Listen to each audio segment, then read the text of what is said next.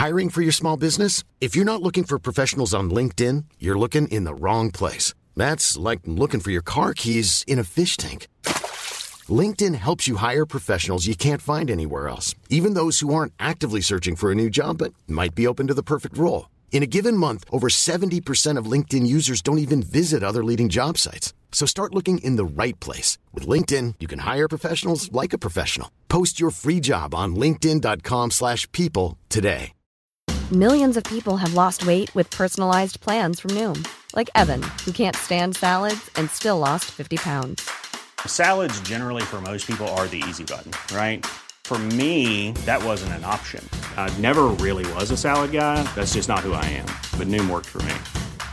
Get your personalized plan today at Noom.com. Real Noom user compensated to provide their story. In four weeks, the typical Noom user can expect to lose one to two pounds per week. Individual results may vary. Since 2013, Bombas has donated over 100 million socks, underwear, and t shirts to those facing homelessness. If we counted those on air, this ad would last over 1,157 days. But if we counted the time it takes to make a donation possible, it would take just a few clicks. Because every time you make a purchase, Bombas donates an item to someone who needs it. Go to bombas.com slash ACAST and use code ACAST for 20% off your first purchase. That's bombas.com slash ACAST, code ACAST.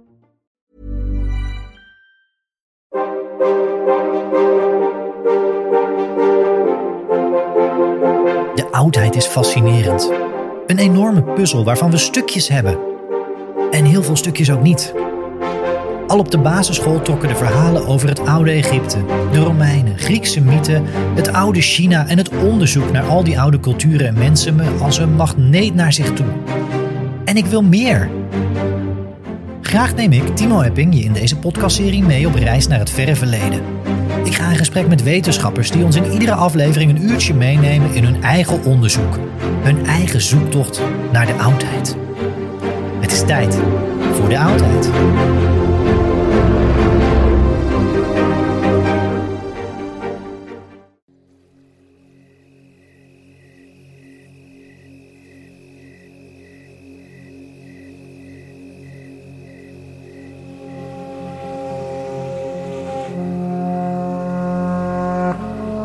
Dit is de vierde en laatste aflevering van de serie Onder de Zon van Amarna. Een serie waarin Egyptoloog Huub Pracht ons mee heeft genomen naar Egypte.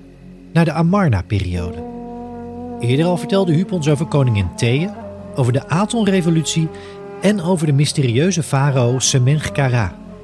De links naar die afleveringen vind je in de show notes. Verder nu met het verhaal.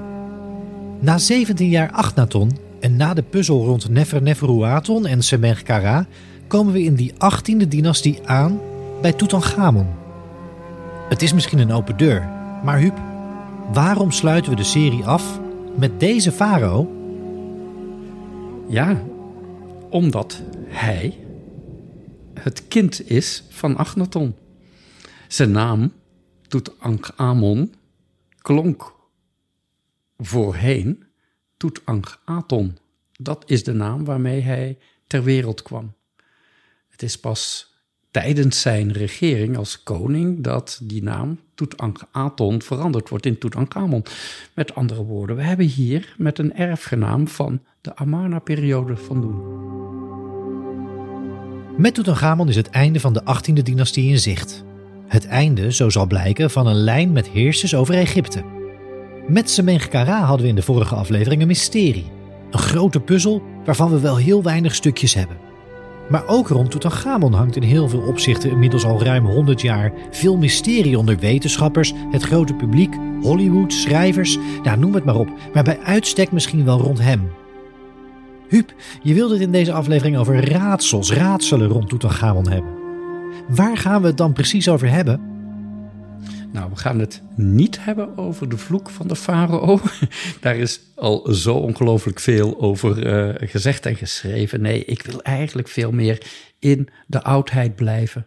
Namelijk um, gaan kijken wie zijn nou zijn ouders. Ja, ik noemde het net al even. Ik beschouw hem als de zoon van Agnaton. Hoewel dat voor de volle 100% niet zeker is. Opnieuw ontbreken die geschreven bronnen. Maar er zijn genoeg uh, aanwijzingen om dit te veronderstellen. Maar dit is al een van de mysterieën. Wie zijn zijn ouders? Wie was dus ook zijn moeder? Ook daar gaan we het over hebben. Maar er zijn misschien nog wel twee andere belangrijke uh, mysterieën rondom deze koning. Uh, hoe is hij aan zijn einde gekomen? We weten dat hij slechts tien jaar geregeerd heeft, dat hij als achtjarig jongetje op de troon kwam. Dus als achttienjarige Dus dat is natuurlijk een erg jonge leeftijd. Wat is er gebeurd? Nou, dan is er nog een extra raadsel wat in de afgelopen, laten we zeggen, uh, ja, zes, zeven jaar enorm onder de aandacht uh, is gekomen. Namelijk, heeft het graf van Tutankhamon echt al zijn geheime prijs gegeven? Dat zijn dus de mysteries. De vragen waar we ons in deze aflevering op gaan richten. Huub gaf het al aan, geschreven staat het nergens. Maar veel wetenschappers nemen aan dat Tutankhamon de zoon van Akhenaton is. Welke bronnen hebben we om dit verder te onderzoeken? Om het leven en de regering van Tutankhamon te reconstrueren? Wat uh, we zeker weten, hè, ik heb eerder verteld over dat kleine kistje wat in het graf van Tutankhamon is teruggevonden, waar de naam van Thea op staat. Uh, met die haarlok uh, erin. Dus dat er een relatie is met koningin Thea, dus uh, de moeder van Akhenaton, is duidelijk. Ook zijn er meer voorwerpen teruggevonden hoor, in het graf van Tutankhamon, waar de naam van Akhenaton nog op staat.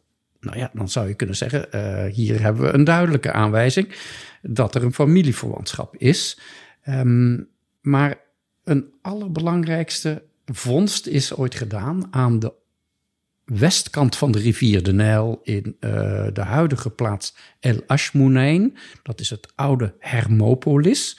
Die stad is opgebouwd met blokken, bouwblokken, die afkomstig zijn uit de oude stad Aghet Aton, dus het huidige Tel El Amarna. Dus men heeft eigenlijk die stad afgebroken en uh, de bouwblokken hergebruikt. Dus waar een bepaald blok nou precies gezeten heeft, weten we niet. Maar er is één blok teruggevonden waar je heel duidelijk leest dat er een prins is, want er staat koningszoon, met de naam Toet-Ankh-Aton. Dus dat Toet-Ankh-Aton een koningszoon is, dat staat vast. Nou ja, voor mij is het dan vrij simpel om te zeggen, dan is Agnaton zijn vader. Maar er zijn ook heel wat wetenschappers die zeggen, nee, nee, hij is de zoon van Amenhotep III. Er zijn zelfs nog mensen die zeggen hij is de zoon van Semerkara, waar we eerder over spraken. Maar goed, um, dat hij, Toetankh-Aton, in Aghet-Aton geboren is, staat vast. Dat hij daar, ja, als hij als achtjarig jongetje op de troon komt, zouden we kunnen terugrekenen, als Agnaton zijn vader is, dat hij dus rond het tiende regeringsjaar geboren zou moeten zijn er komen dan nog zeven jaar van Achnaton en die, dat ene jaar van Semerkara, schuine streep, uh, Nefertiti zou je kunnen zeggen. Uh, dus ja, um, hij zal dus dan in dat tiende regeringsjaar zijn geboren. Nou heb ik dat eerder gezegd. Hè. Er is, uh, het is zo dat rond die tijd Thea overlijdt, die in het koningsgraf wordt bijgezet. Maar er is ook een dame Kia, de bijvrouw, die overlijdt en in een zijkamer wordt bijgezet, in kamer Alpha. Je ziet daar heel mooi hoe Agnaton en Nefertiti aan het rouwen zijn om iemand die overleden is. Alleen die iemand, ja, je ziet alleen nog iets van de voeten van de mummie. Dus het is niet helemaal duidelijk wie dat is. Dat staat er in tekst ook niet bij. Maar wat we daar wel zien, is dat er rouwende mensen achter het koninklijk echtpaar staan. Die um, heel dramatisch uh, bijvoorbeeld zand in de, in de lucht gooien en aan het, echt aan het huilen zijn. En een van die mensen heeft een baby vast. Het is een, een, een hofdame. De naam van die dame staat er niet bij. Maar het zou zomaar de oudste dochter kunnen zijn van Agnaton en Nefertiti, die op dat moment dus ongeveer tien jaar is, Merit Aton die zich ontfermt over een babytje dat weggedragen wordt. En uh, die scène wordt er getoond dat die dame met dat babytje ook onder een, uh, een, soort zonnescherm uh, koelte krijgt. Dus je zou kunnen bedenken, de persoon die daar wordt uitgebeeld in die kamer alfa, die overleden is, dat is misschien wel eens een vrouw die in het kraambed is overleden. Want haar baby wordt eh, met, met veel compassie eh, beschermd. En wie is dat dan? Ja, ik zei al eerder, ik heb een romantische geest. En ik acht het niet geheel ondenkbaar dat het hier gaat om dezelfde Toetankh-Aton. Het levende evenbeeld van Aton, dat betekent zijn naam. Dat is ook wat Agnaton niets liever wilde. Hij wilde toch vooral ook een mannelijke troonopvolger. Omdat het woordje Aton in het Egyptisch een mannelijk woord is. Dus een levend evenbeeld van de Aton. Maar ja, bij wie is dat kind dan verwekt? Blijkbaar niet bij Nefertiti, want die staat in die scène uh, mee te rouwen. Echt een beetje voorovergebogen eh, met de handen voor haar gezicht. De typische rouwhouding. Ja, wie is dan de dame? Nou, daar is heel veel over gespeculeerd. En dan wordt dan vaker gezegd, ja, dat is de dame Kia. Nou, dat geloof ik ook wel. maar wie is dan Kia? Nou, velen zeggen Kia is Tadugepa, de, de prinses uit Mitanni. Dat denk ik dus niet, want ik heb eerder in de vorige aflevering al gesproken over mijn opvatting dat Tadugepa juist Nefertiti is. Maar wie is dan Kia? Wel, ik zei al eerder, haar naam betekent de andere. Met andere woorden, zij neemt een positie in naast Nefertiti. Zij is de andere. Maar waar komt zij dan vandaan? Het moet een, uh, een, een, een jonge dame zijn die inmiddels geslachtsrijp is, die zwanger kan worden. Wie is zij dan? Wel, herinneren we ons dat Amenhotep IV, de latere Agnaton, drie zussen had. Waarvan er uh, op zijn minst één, hè, de oudste uh, zus, Saat Amon heet ze, ook grote koninklijke echtgenote werd genoemd van Amenhotep III. En dat is iets heel bijzonders, want we weten, Thea is een leven. Die is al grote koninklijke echtgenote. En hoe kan het nu ineens zo zijn dat er nog een grote koninklijke echtgenote is? En ja, dat wordt wel gecombineerd met de naam van Amenhotep III. Maar we hebben het ook gehad over een co-regentschap. En dan is het ergens denkbaar dat deze Saat Amon, wiens naam overigens dochter van Amon betekent, nou ja, bedenk je, dat is natuurlijk mm, niet zo erg handig om die naam nog te hanteren wanneer de Aton-revolutie wordt doorgevoerd, waarbij alles wat met Amon te maken heeft, wordt afgeschaft. Dus zij krijgt die naam Kia. En er wordt bij haar een kind verwekt. Dus een volle broer en een volle zus krijgen een kind. Alleen zij sterft in het kraambed. Dat is wat ik denk dat er gebeurd is. Met andere woorden, de moeder van Tutankhamon is Kia, schuine streep, Saat Amon, de oudste dochter van uh, Amenhotep III en Thea, dus een volle zus van Akhenaton. En dat zou dan ook weer passen inderdaad in het DNA-onderzoek uit nou, de twee graven waar we het over gehad hebben in, Precies. Uh, Dal der Koningen. Precies, ja. Dit is hoe Huub deze eerste casus. Wie waren de ouders van Tutankhamon reconstrueert? Dit is een van de theorieën, maar ook hier is uiteraard weer veel discussie. Verder nu. De eerste vijf jaar van zijn leven gaat de ons bekende farao Tutankhamon vermoedelijk in Aton, ofwel Tel El Amarna, door het leven als Aton. Huub, kun je ons in die eerste jaren van zijn leven meenemen? Weet je, ik, ik sprak net over dat ene bouwblok hè, eh, dat teruggevonden was in Hermopolis. Uh, dus oorspronkelijk uit Aton afkomstig. Maar dat is, uh, het, het, het mooie daarvan is dat niet alleen zijn naam daar staat, maar ook uh, een koningsdochter die, die, die tekst is eigenlijk spiegelbeeldig, zou je kunnen zeggen, ten opzichte van de tekst die bij uh, Aton hoort. Dus je kunt je bedenken dat er afbeeldingen zijn geweest waarbij die twee personen naar elkaar keken.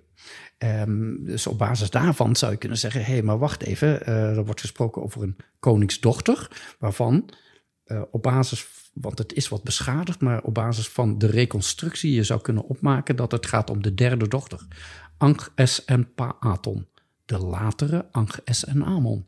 dus dat er al in Amarna sprake is van een huwelijk, maar laten we wel bedenken, ja, ze zijn wel heel erg jong, hè? Um, waarschijnlijk is Anges en Paaton wel een aantal jaren uh, ouder. Hè, een paar jaar ouder, drie jaar of zo ongeveer. Um, maar dat ze blijkbaar al voorbestemd zijn om met elkaar verder uh, door het leven te gaan. Dan zou je ook verwachten dat er in Tel El Amarna meer objecten zijn teruggevonden, voorstellingen, uh, schilderingen, en die ontbreken. In geen enkel uh, Amarna-graf vind je een verwijzing naar een zekere Toetankhaton. Wel, die prinsesjes, die worden allemaal uitgebeeld. Maar Toetankhaton ontbreekt. En dat is ook wel toch iets heel opmerkelijks. Ik heb daar ook niet direct een goede verklaring voor. Buiten het feit dat je wel... Um, eigenlijk zou ik twee belangrijke dingen willen noemen. Dat is één, dat er een relief afkomstig is uit Tel El Amarna, dat nu in uh, Berlijn in het Neues Museum wordt bewaard en dat de wandeling in de tuin wordt genoemd. Daar zie je namelijk um, twee figuren weer tegenover elkaar staan, elkaar aankijkend. Um, de linkerpersoon is een man die op een stokken leunt. Nou, in mijn ogen is dat Toetankhaton omdat uh, we weten uit onderzoek aan zijn uh, mummie dat hij slechterbeen was.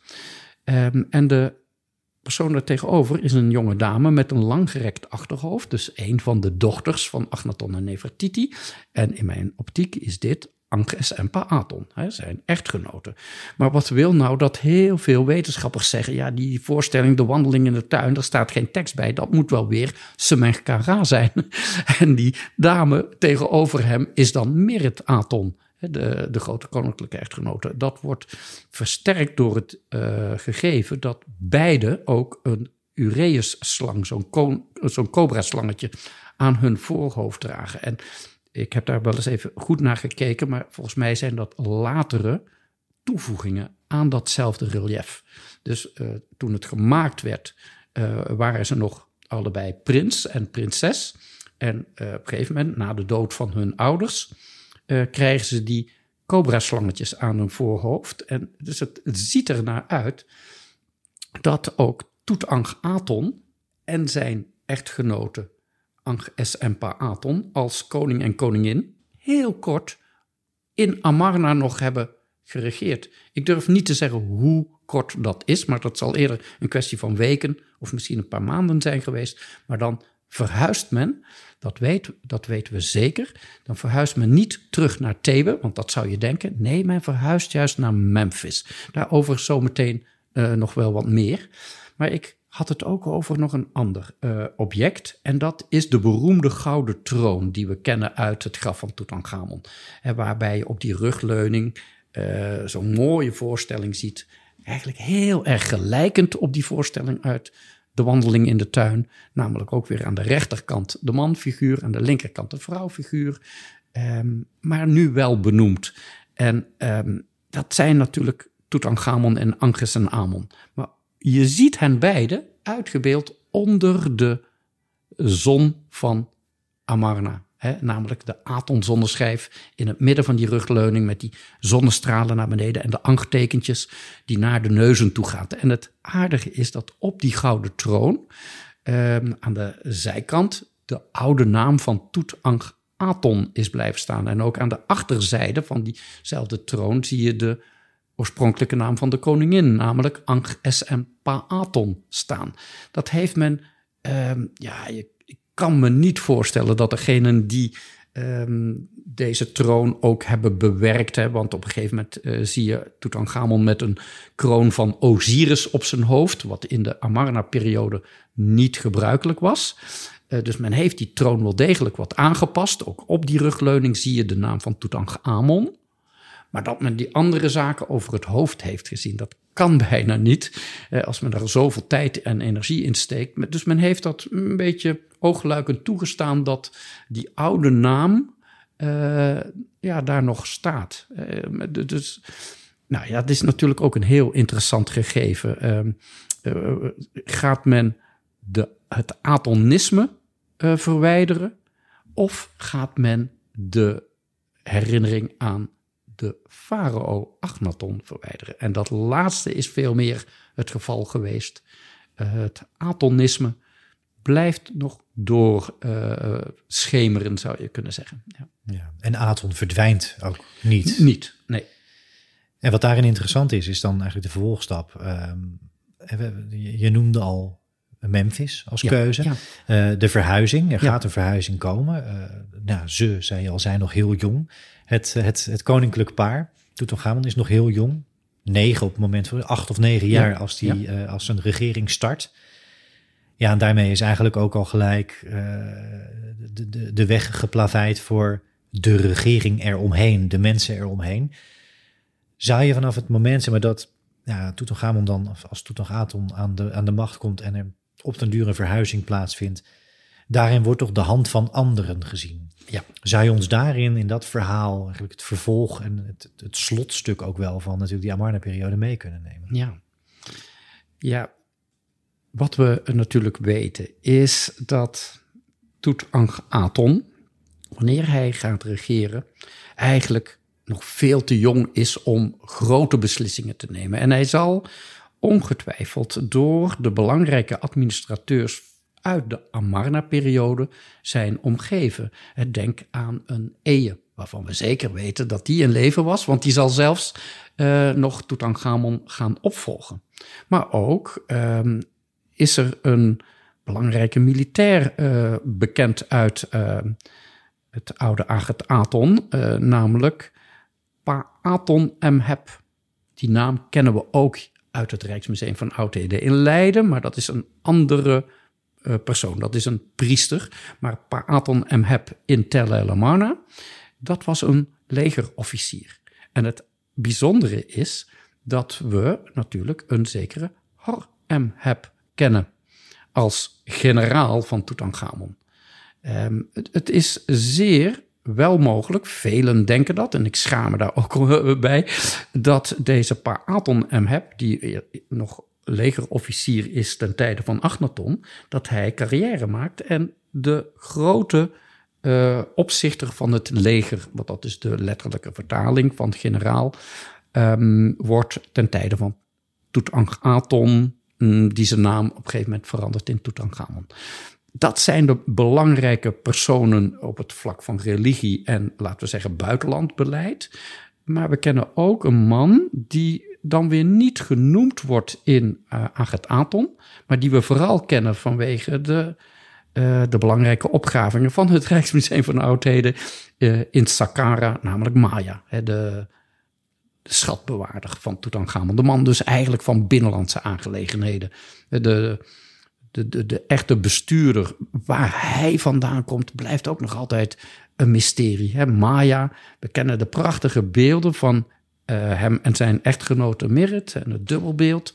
Uh, we, kennen, we weten dat het graf uh, is herontdekt in 1986. Eh, prachtige reliefs. En iedereen dacht destijds van, oh, nou gaan we dat mysterie ook oplossen. Waar komt deze Maya nou vandaan? Niet helemaal duidelijk. Niet helemaal duidelijk. Mogelijk, ja.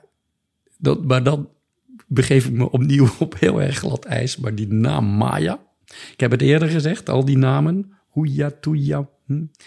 Maya. Misschien ook een buitenlandse komaf. Maar we weten dat niet zeker. Goed, dit zijn in ieder geval wel de belangrijke mensen rondom de jonge koning. Um, we hebben een heel belangrijk document. Uh, dat al meer dan 100 jaar geleden is teruggevonden bij uh, de werkzaamheden in de tempel van Amon-Ra in uh, Karnak, dus in het zuiden voor de derde piloon van Amenhotep III, hè, de, die, die piloontoren, daar heeft een stele gestaan, opgericht in het vierde regeringsjaar van Tutankhamon.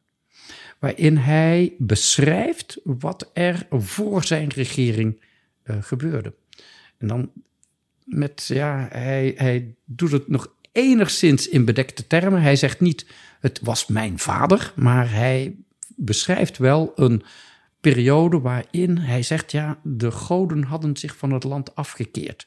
De tempels werden overwoekerd met onkruid, de paden uh, waren niet meer begaanbaar. En ik, Tutankhamon, heb de zaken weer in ere hersteld. Met name hier in Thebe heb ik dat gedaan. Maar hij vertelt ook in diezelfde restauratiestijlen, want zo heet die, uh, die steen. Um, in die restauratiestijlen vertelt hij ook dat hij um, zijn toevlucht heeft genomen in, de, in het paleis uh, van Toetmozes I, een farao uit eerder uit die 18e dynastie, te Memphis. Dat, hij, dat dat paleis blijkbaar nog bestond en dat hij daar maar naartoe is ge, uh, gegaan. Ja, uh, de stad werd kort en klein geslagen. Um, en je zou verwachten dat hij wellicht naar Thebe toe gaat. Misschien wel weer naar Malkata. Maar dat gebeurt dus niet. Wat wel gebeurt, is dat hij, nadat hij die restauratiewerkzaamheden heeft doorgevoerd in, uh, in Thebe zelf. De Karnak-tempel, daar zijn uh, onnoemelijk veel beelden van hem ook neergezet. En ook in de Luxor-tempel, zo'n 2,5 eh, kilometer meer naar het zuiden, zijn heel veel restauratiewerkzaamheden doorgevoerd tijdens zijn regering. Ja, ik kan me voorstellen dat hij dan, in, uh, dat hij dan ja, weer vriendelijk wordt ontvangen door de priesters van Amon en hij recht krijgt op een graf in het Dal der Koning. Interessant is ook dat er nadrukkelijk gesproken wordt over een periode van herstel onder Tutankhamon. Nu is dat een bekende claim ook onder koningen uit het verleden. Die en die koning komt aan de macht en herstelt iets, maakt iets weer goed of beter. Is dat hier bij Tutankhamon nou propaganda? Of mogen we stellen dat het op dat moment echt zo werd gevoeld en ervaren? Ja, dat denk ik wel. Ik denk um, zowel de cultus wordt weer nieuw leven ingeblazen. De cultus voor Amon, Amon-Ra. Uh, dus de poorten van de tempel wordt, worden weer geopend. Maar tegelijkertijd uh, heeft uh, Tutankhamon ook gezien dat er heel veel kort en klein is geslagen. Dat er heel veel namen van Amon zijn verwijderd. En die laat hij weer herstellen, letterlijk. En dan wordt er weer opnieuw uh, de tekst ingegraveerd. Ook de voorstellingen van Amon. En ik zei net al even dat er vele beelden van Tutankhamon zijn opgericht in die tempels. Eigenlijk zou ik moeten zeggen, het zijn beelden van Amon.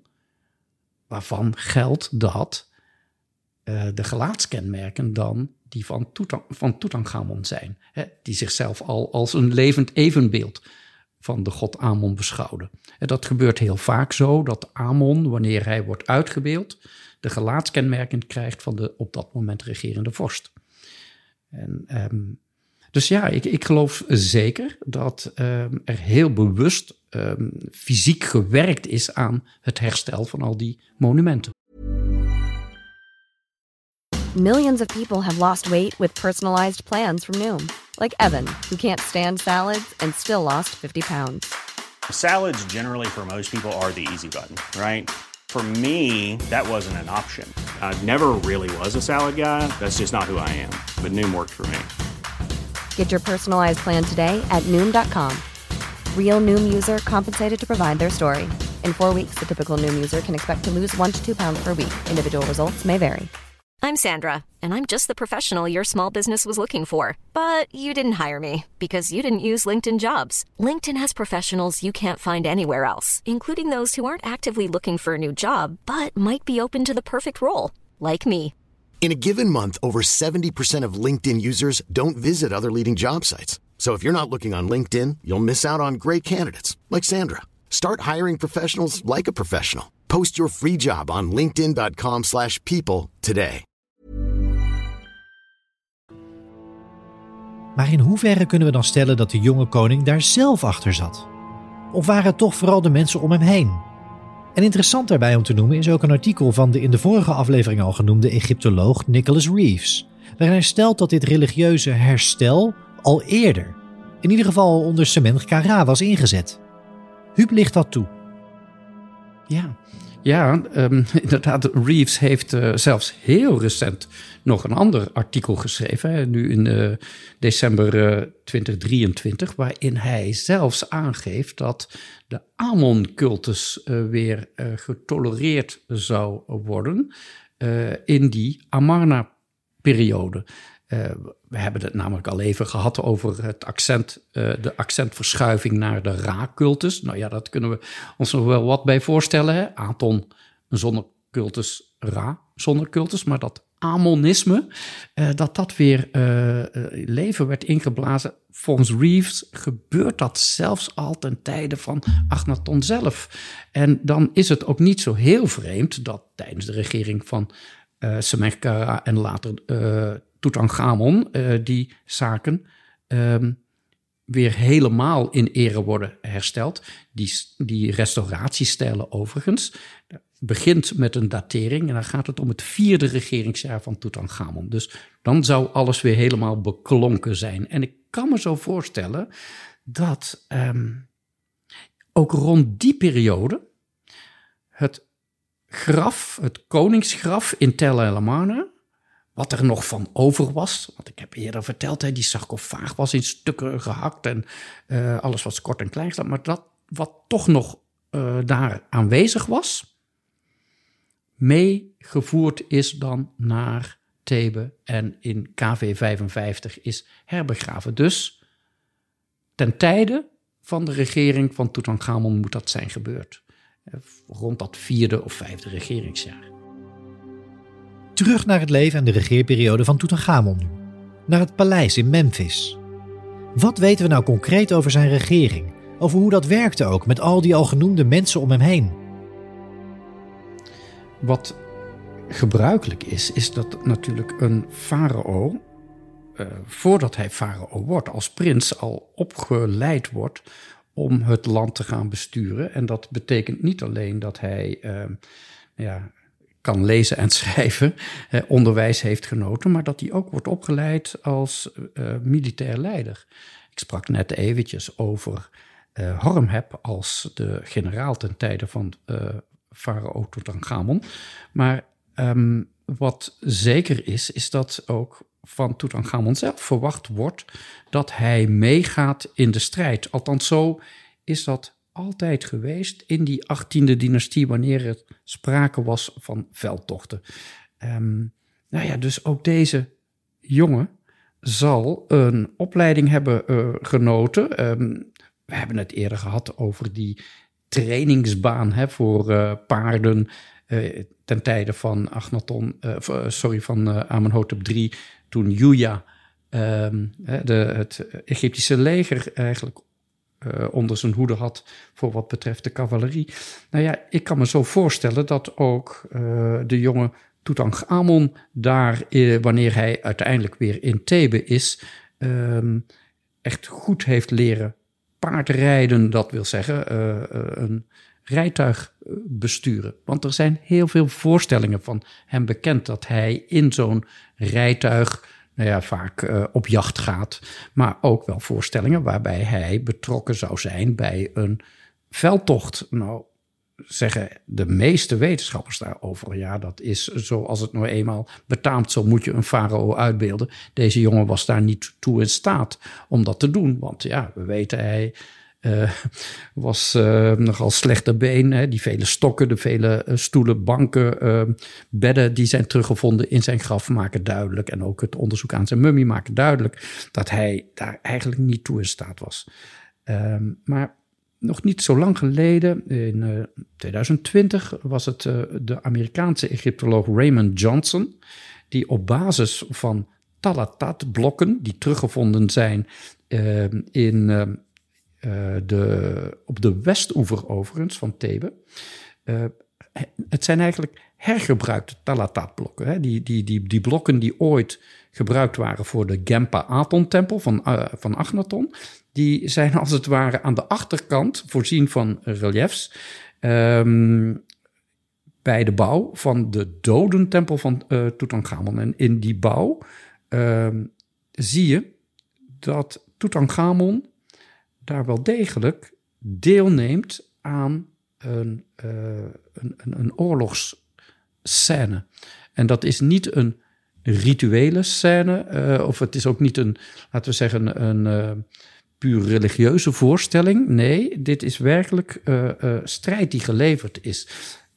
ongetwijfeld, waarbij Hormheb de generaal is, maar koning Tutankhamon moet mee. Wat ik eigenlijk hiermee wil zeggen, is dat de kans zeer groot is dat hij eigenlijk al aan het begin van zijn eerste militaire campagne, dat, een, dat noodlottig is geworden. Dat is wat ook Raymond Johnson uh, denkt. Gezien het feit dat um, ja, er nader onderzoek is gedaan aan de mummie van Tutankhamon. En ja, daar wel degelijk iets te zeggen valt over de doodsoorzaak. Heel lang heeft men namelijk gedacht dat hij het slachtoffer zou zijn geweest van een moordaanslag. Um, op um, röntgenfoto's uit de jaren 60 is te zien aan de, zou aan de schedel van Tutankhamon te zien zijn dat hij een klap op zijn kop heeft uh, gehad met een zwaar voorwerp. Nou, bij uh, de uh, MRI-scanresultaten blijkt dat de schedel nog helemaal intact was. Dus die theorie die kon mooi de prullenmand in. Maar tegelijkertijd kwam men erachter, rond 2010, dat um, er een breuk is uh, uh, waargenomen vlak boven zijn linkerknie. En dat die breuk, die botbreuk, is gaan herstellen. Een klein beetje kalkafstetting zou je kunnen zeggen. Bij, bij het bot dat zich weer gaat herstellen. Maar dat er tegelijkertijd een ontsteking heeft plaatsgevonden. En die ontsteking is uh, zo door gaan zetten dat hem dat noodlottig is geworden. Dat hij dus aan, laten we zeggen, een wond uh, ontsteking, een, een botbreukontsteking, zichzelf is gaan vergiftigen. We noemen dat gangreen, ook wel koudvuur genaamd. En aangezien er geen antibiotica was, geen medicijnen, moet dat een hele pijnlijke dood zijn geweest, waarin die langzaam maar zeker, nou ja, zijn bloed zo vol met giftige stoffen zat, dat dat ja, zijn dood heeft veroorzaakt. Maar ja, je kunt je dan afvragen, hoe komt hij nou aan die botbreuk? Zo precies boven zijn linkerknie. Dat kan geen gevolg zijn van een aanval. Want als je iemand dood wil hebben, ja, dan steek je hem dwars door, door de borst. Nee, dit zal eerder een ongeluk zijn geweest. En dan kun je bedenken, als het echt om zo'n harde klap gaat. We weten dit natuurlijk niet zeker, maar gesuggereerd wordt, is dat hij ja, wellicht uit zijn karretje is geslingerd. Bij een, een, een bruske beweging op het slagveld wellicht dat dat is gebeurd. Dat wordt uh, uh, vaak zo uh, gedacht de laatste jaren. dat de koning dus ja, eigenlijk aan het begin van zijn heldhaftige tijd al onmiddellijk ja, er een punt achter heeft moeten zetten. Ja, en daar zitten we dan eigenlijk ook weer in een van die raadselen, een van die mysterieën. De dood van Tutankhamon in dit geval. ook al vroeg, zo oud is hij niet geworden en zo lang heeft hij dus ook niet geregeerd. Mm Um, ja, om even dan de grote vraag al maar te stellen. Um, er is dus zo ontzettend veel te doen over Tutankhamon. Bij iedereen duikt altijd Tutankhamon op. Het masker van mm -hmm. De vloek natuurlijk, waar je de, waar je de aflevering al mee begon. Ja. Maar waarom is er nou specifiek zo over Tutankhamon zo ontzettend veel te doen? Waarom spreekt nou specifiek hij zo enorm tot de verbeelding? En ja, in het verlengde daarvan, in hoeverre is dat terecht als je kijkt. Hè, er wordt altijd heel erg vooral benadrukt vanuit de wetenschap. Eigenlijk ja, heeft hij maar een minimale, marginale rol gespeeld in de geschiedenis als het gaat om koningen van hè, farao's ja. van Egypte. Ja, ja dat, is, dat laatste, dat, uh, uh, dat las ik ook uh, zo, hè, laten we zeggen 40 jaar geleden, was dat de algemene tendens. Van ja, Tutankhamon, vooral bekend bij het grote publiek vanwege de goudschatten uit zijn graf, Maar eigenlijk stelde hij niet zo heel veel voor. Dat was eigenlijk de korte door de bocht conclusie. Nou, dat is de laatste jaren wel degelijk uh, veranderd. Juist door datgene waar we het nu in deze afleveringen over hebben. Uh, er is zoveel meer bekend geraakt, zoveel meer onderzoek gedaan. Natuurlijk blijven er nog steeds heel veel vraagtekens.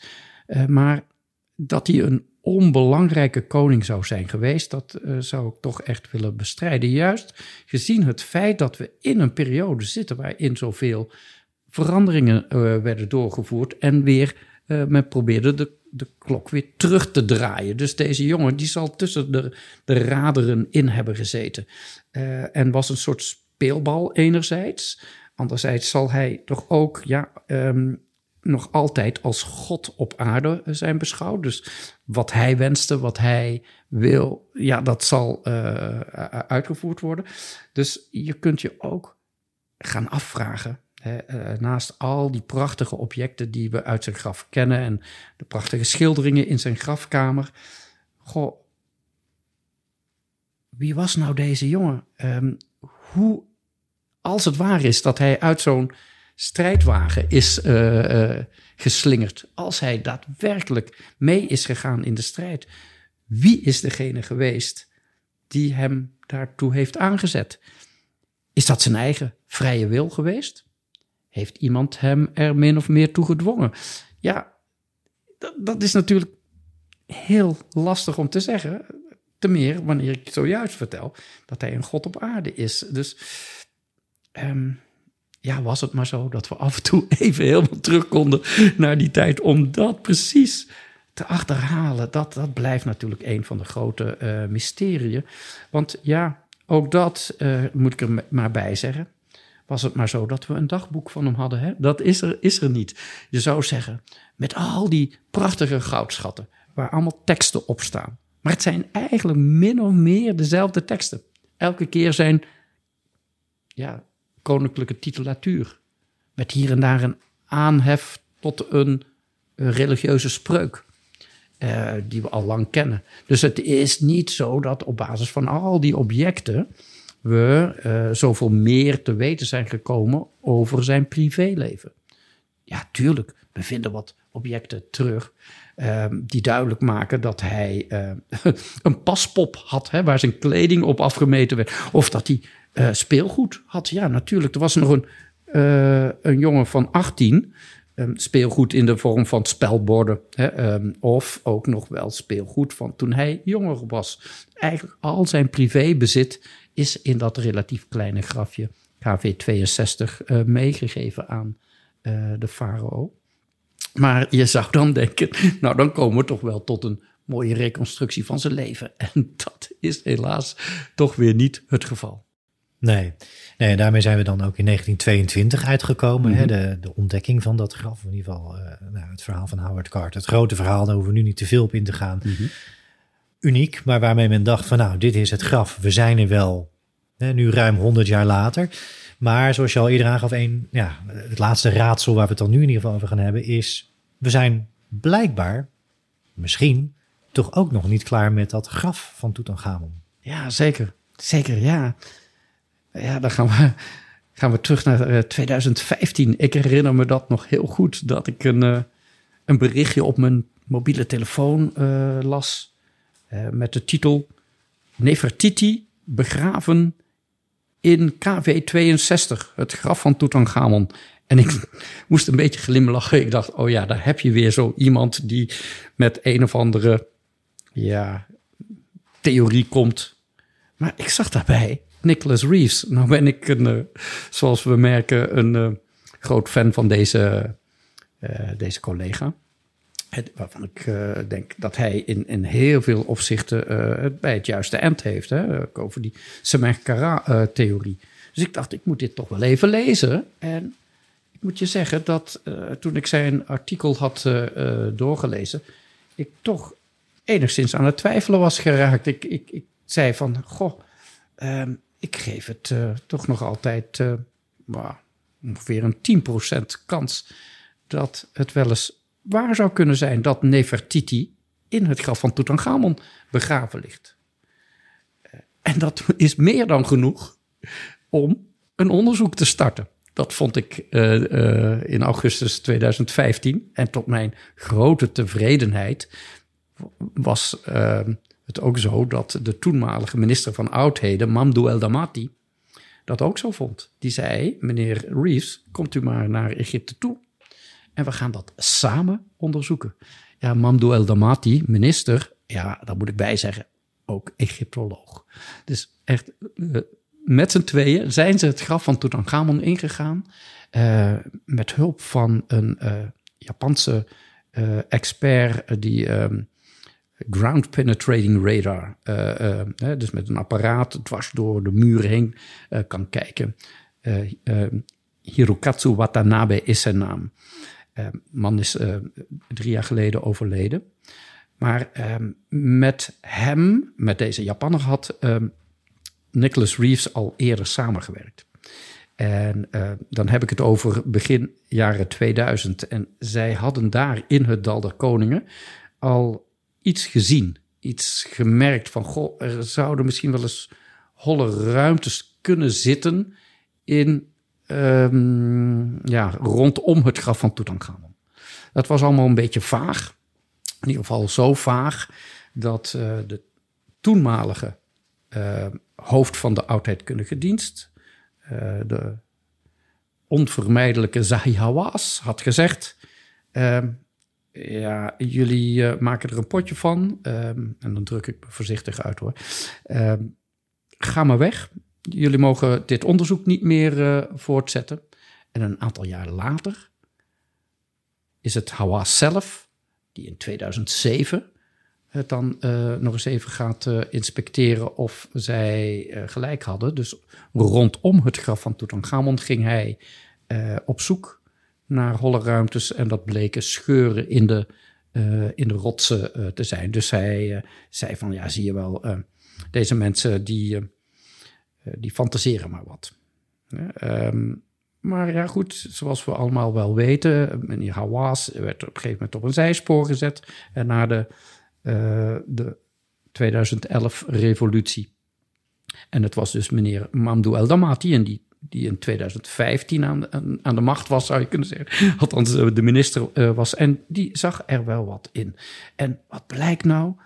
Ja, die meneer Watanabe heeft heel duidelijk aangetoond dat er inderdaad twee holle ruimtes, twee holtes achter de wanden van de grafkamer uh, zich bevinden. Maar opnieuw, meneer Hawass uh, heeft twijfel weten te zaaien.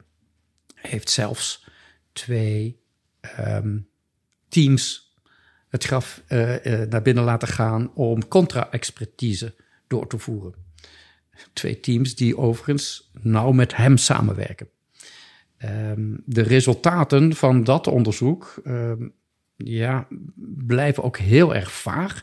Maar er wordt gezegd, ja, er zit niets direct achter die wand. Nou ja, dat woordje direct kun je, is natuurlijk een heel uh, rekbaar begrip. Um, maar meneer Reeves heeft tot op de dag van vandaag... Uh, heeft zelfs nog een tweede artikel uh, geschreven over, dit, over, over deze theorie. hij is er heel erg van overtuigd um, dat er inderdaad twee holle ruimtes zich bevinden. En ik denk dat hij daar ook gelijk in heeft. En ik ben niet de enige collega die dat zo vindt. Uh, alleen, ja, op dit moment is het zo dat de oudheidkundige dienst in Egypte, uh, nu onder leiding van uh, Mustafa Waziri, um, zegt van, nou, dit verhaal is wel afgerond, klaar, dit gaan we niet meer voortzetten. Er is gewoon niets. Hè. Contra-expertise is doorgevoerd, dus we doen niets meer. Maar ja, je kunt je voorstellen dat uh, het laatste woord hier nog niet over gezegd is. Hè. Ook binnen de Egyptologische wereld wordt hier veel over gesproken. Um, alleen de conclusie die Reeves in 2015 eigenlijk er al aan verbond, dat het ook gaat om het graf van Nefertiti, dat gaat voor mij nou net één stap te ver. Ik zeg niet dat het onmogelijk is, dat zeg ik helemaal niet. Maar als het zo zou zijn dat de stoffelijke resten, de mummie van Nefertiti, achter een van die wanden uh, zou liggen, dan moeten we niet denken aan een soortgelijke grafschat als in 1922 naar boven is gekomen hè, bij uh, de grafinventaris van Tutankhamon zelf. Want dat is wat namelijk um, een eigen leven is gaan leiden. Veel mensen die dan roepen van wauw, hoe geweldig zou het zijn als we die ruimtes kunnen betreden en wie weet wat daar dan aan enorme schatten nog weer uit tevoorschijn komen. Nou, Reeves zelf zegt dat eigenlijk al in zijn artikel. Daar moeten we helemaal niet aan denken. Want, zegt hij, juist de grafinventaris van Nefertiti, althans toen zij Semerkara heette, zal in Tel El Amarna, in het, dus in Achet Aton, uh, zijn bestemming hebben gekregen in een graf. Maar het is juist ten tijde van Tutankhamon dat men gezegd heeft, nou, maak dat dan ook maar open. Breng haar ook maar hierheen. Breng haar, laat haar uh, begraven worden in KV 62. Maar materiaal, alle grafvoorwerpen van Semerkara Nefertiti zijn hergebruikt juist voor de begrafenis van Tutankhamon zelf. Dat is aantoonbaar. Um, op heel veel objecten staat nog iets, is nog iets te zien van die naam Nefer Neferu Aton. Zelfs op het beroemde gouden masker, op de schouderband zou ik kunnen zeggen van het gouden masker, kun je zien dat daar oorspronkelijk de naam van Nefer Neferu Aton, haar troonnaam, ook nog heeft gestaan. Hè? Dat Ankh Geperura, geliefd door haar echtgenote, staat er dan bij. En daar is de uh, cartouche van Tutankhamon overheen gezet. Dus dat geldt voor een heleboel van die objecten. Met andere woorden, als uh, Reeves gelijk heeft dat Nefertiti achter die wand, uh, met name achter de noordwand, begraven zou liggen van de grafkamer van uh, Tutankhamon, ja, dan moeten we niet denken aan een, ja, met, dat, dat zij daar dan met heel veel goudschatten omhuld begraven ligt. Nee, ja, heel interessant. En ja, wellicht, we weten het niet, voorlopig misschien niet, maar wie weet op langere termijn dat we daar weer meer over gaan horen, dat er weer meer mogelijk is. Uh, ja, voor nu zijn we in de grafkamer terechtgekomen. Uh, is Tutankhamon overleden en is daarmee ook eigenlijk het verhaal, de Amarna-periode, de 18e dynastie, afgesloten. We gaan daarna verder met nou, de regering, je noemde hem al, Eje, Horemheb. En zo rollen we de 19e dynastie eigenlijk in. Ja, wat is voor jou nu als slot, tot slot, de slotconclusie, de slotoverweging of gedachte van deze vierdelige serie onder de zon van Amarna? Wat zou jij ja, als slotwoorden nog aan de luisteraar mee willen geven? Ja, jij geeft het uh, goed aan hè, dat uh, eigenlijk met die regeringsperiode van Tutankhamon de Amarna-periode is afgerond. Um, dat na uh, Tutankhamon ja, er andere farao's aan de macht komen, maar die hebben toch nog altijd iets aan zich kleven. De opvolger van Tutankhamon is Eye. Dat is die godsvader Eye, waarvan ik eerder vertelde. Dat is die, ja, je zou bijna kunnen zeggen, voogd voor Nefertiti. Dus een man die uh, carrière heeft gemaakt juist in die periode van Achnaton en Nefertiti. Dus um, eigenlijk ademt die Amarna-periode nog uh, nog door. En het komt pas echt tot een einde wanneer na zelfs Horemheb, hè, uh, de generaal van Tutankhamon, die ook uh, farao wordt, dan de Ramessidentijd aanbreekt met de 19e dynastie. En men zich echt gaat afzetten tegen nou ja, die hele periode. en men eigenlijk probeert die periode uit de historie uit de historie weg te, halen. dus uh, ook in koningslijsten worden al deze farao's als uh, Akhenaton en uh, Semerkara en Tutankhamon niet eens meer genoemd. Ook, ook Eye wordt niet genoemd. Um, maar ik zou nog één ander ding willen vertellen. En dat is dan niet zozeer het einde van de Amarna-periode, als wel um, dat het onderzoek naar deze periode nog steeds doorgaat. Niet alleen in Tel El Amarna zelf, hè, archeologen die daar uh, aan het werk zijn, maar ook in het Dal der Koningen. En ik noemde eerder de naam van de minister Mamdou El Damati, die overigens op voorspraak van meneer Zahiawas eigenlijk uh, in discrediet is gebracht uh, rondom nou ja, de theorie dat er holle ruimtes in dat graf zich bevinden. Hij werd eigenlijk in een, van de ene op de andere dag uit zijn ambt ontslagen. Werd vervangen door een, een andere minister. maar meneer Mamdouel Damati heeft toch, en dat vind ik heel opmerkelijk, in de afgelopen paar jaar, uh, eigenlijk in 2021 zelfs, een onderzoek mogen doen in het Dal der Koningen. Weliswaar niet in het graf van Tutankhamon, maar buiten het graf. En wat heeft hij daar gedaan? Ook weer met geavanceerde ground penetrating radar apparatuur. Onderzoek gedaan naar het gebied tussen de twee graven die ik eerder noemde, namelijk KV55 en KV62. KV55, eh, het graf waar eh, in 1907 eh, al die Amarna-voorwerpen zijn teruggevonden, waar ook de mummie van de man, waarvan ik zeg dat is Achnaton, is teruggevonden. En KV62, het graf van Tutankhamon.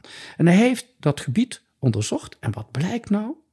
Dat er een soort van ondergrondse tunnel loopt, die parallel loopt aan de eerste gedeelte van het graf van Tutankhamon. Het eerste gedeelte bestaat uit 16 treden die naar beneden gaan en dan uh, een verlengde krijgen in de vorm van een corridor, zoals we dat noemen. Een, een beetje schuin naar beneden lopende hal die leidt naar het voorvertrek. Nou, bedenk dat iets ten noorden, en dan heb ik het over ongeveer een 20 meter naar het noorden, parallel daaraan, onder de grond zichtbaar, hè, dus op, op de scanresultaten, een gang loopt.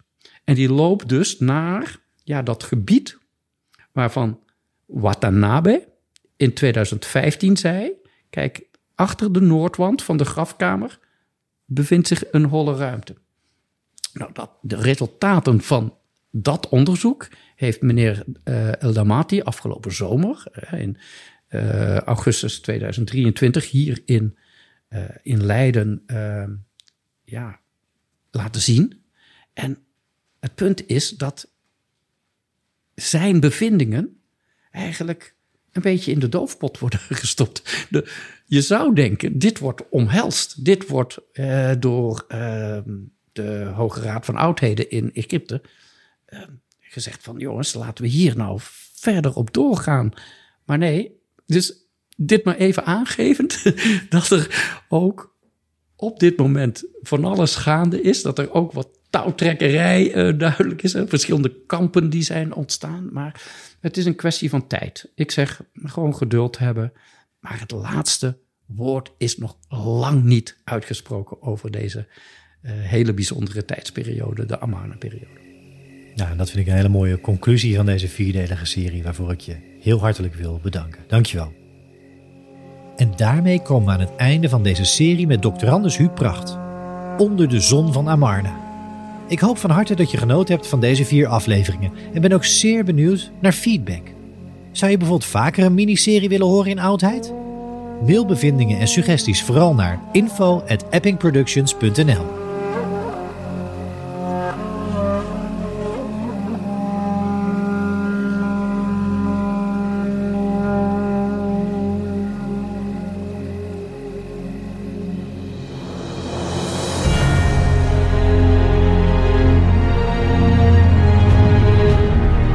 je voor het luisteren naar De Oudheid, de podcast over het verre verleden.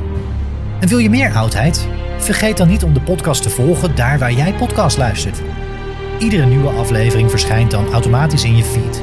Likes en reviews worden uiteraard gewaardeerd en vergeet vooral ook niet om de podcast met iedereen die jouw interesse deelt te delen. Heb je ideeën of suggesties voor de podcast? Mail dan naar info@eppingproductions.nl.